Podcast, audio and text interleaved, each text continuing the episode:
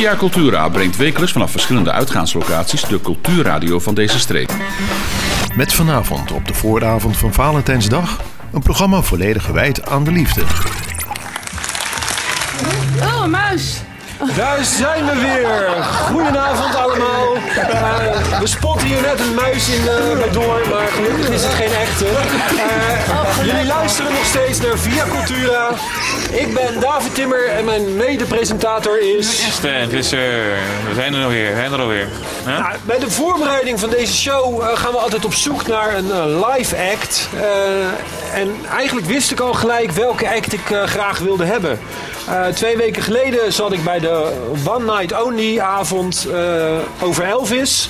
En daar zongen Vera Baldé en Maarten Tekens het nummer Suspicious Mind. Wat jullie net hebben gehoord. Um, helaas konden zij niet live in de studio aanwezig zijn. Maar uh, ik ben Kees van der Meer eeuwig dankbaar vanwege de geluids- en videoopname die hij gemaakt heeft. Want die konden we dus net aan jullie laten horen. Um, dus ze zijn er niet, maar toch even een applaus voor Vera en Maarten. Nou, inmiddels zijn er ook een uh, aantal nieuwe gasten aangesloten uh, aan tafel. Uh, Sandra, jij noemde al, ik mag hier zitten met mijn kinderen. nou ja, Sandra van Eck. wie zitten er nog meer? Nikosja Zevenhuizen. Uzi B. En Dylan Anoep. En Dylan, dan beginnen we gewoon gelijk. Hyperpiep. Hoera! Hoera! Nou ja, waarom? Dylan is vandaag jarig, dus nou, super zonnetje, tof. Zonnetje in huis, toch? Dat je hier aan tafel wilde zitten op je verjaardag. Je hebt ook heel veel mensen meegenomen, dus je bent hier gewoon je feestje aan het vieren. Uh, je mag zo meteen nog twee keer gaan optreden zelfs, dus uh, nou, dan wordt het echt feest. dus nou ja, welkom uh, allemaal. Um, ja, voor, thema Alles is liefde. Dus voor jullie eigenlijk ook. Uh, Oezie, ja. dan wil ik met jou beginnen. Uh, je was net heel boos op het podium. Maar toch de liefde voor muziek. Ja, uh, hoe, hoe, wat voor rol speelt dat voor jou?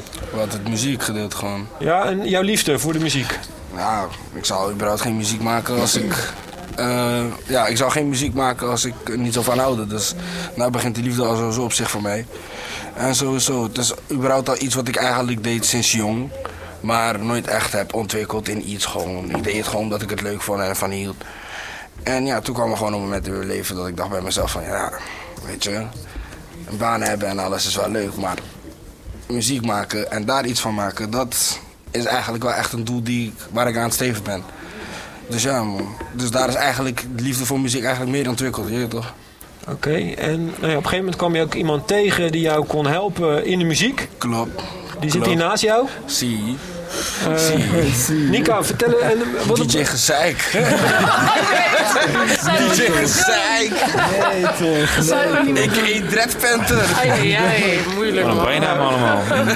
Allemaal lief hier aan tafel, ik hoor het al. Uh, uh, Nika, voor jou, liefde voor muziek, wanneer is dat begonnen? Um, al sinds dat ik eigenlijk al een heel klein meisje ben, was en eigenlijk al een beetje kon praten.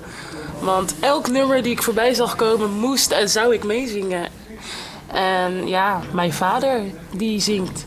Dus dat is wel iets wat eigenlijk al sinds klein een beetje in de familie zit. En ik ben echt... Muziek is voor mij zeg maar like een uitlaatklep.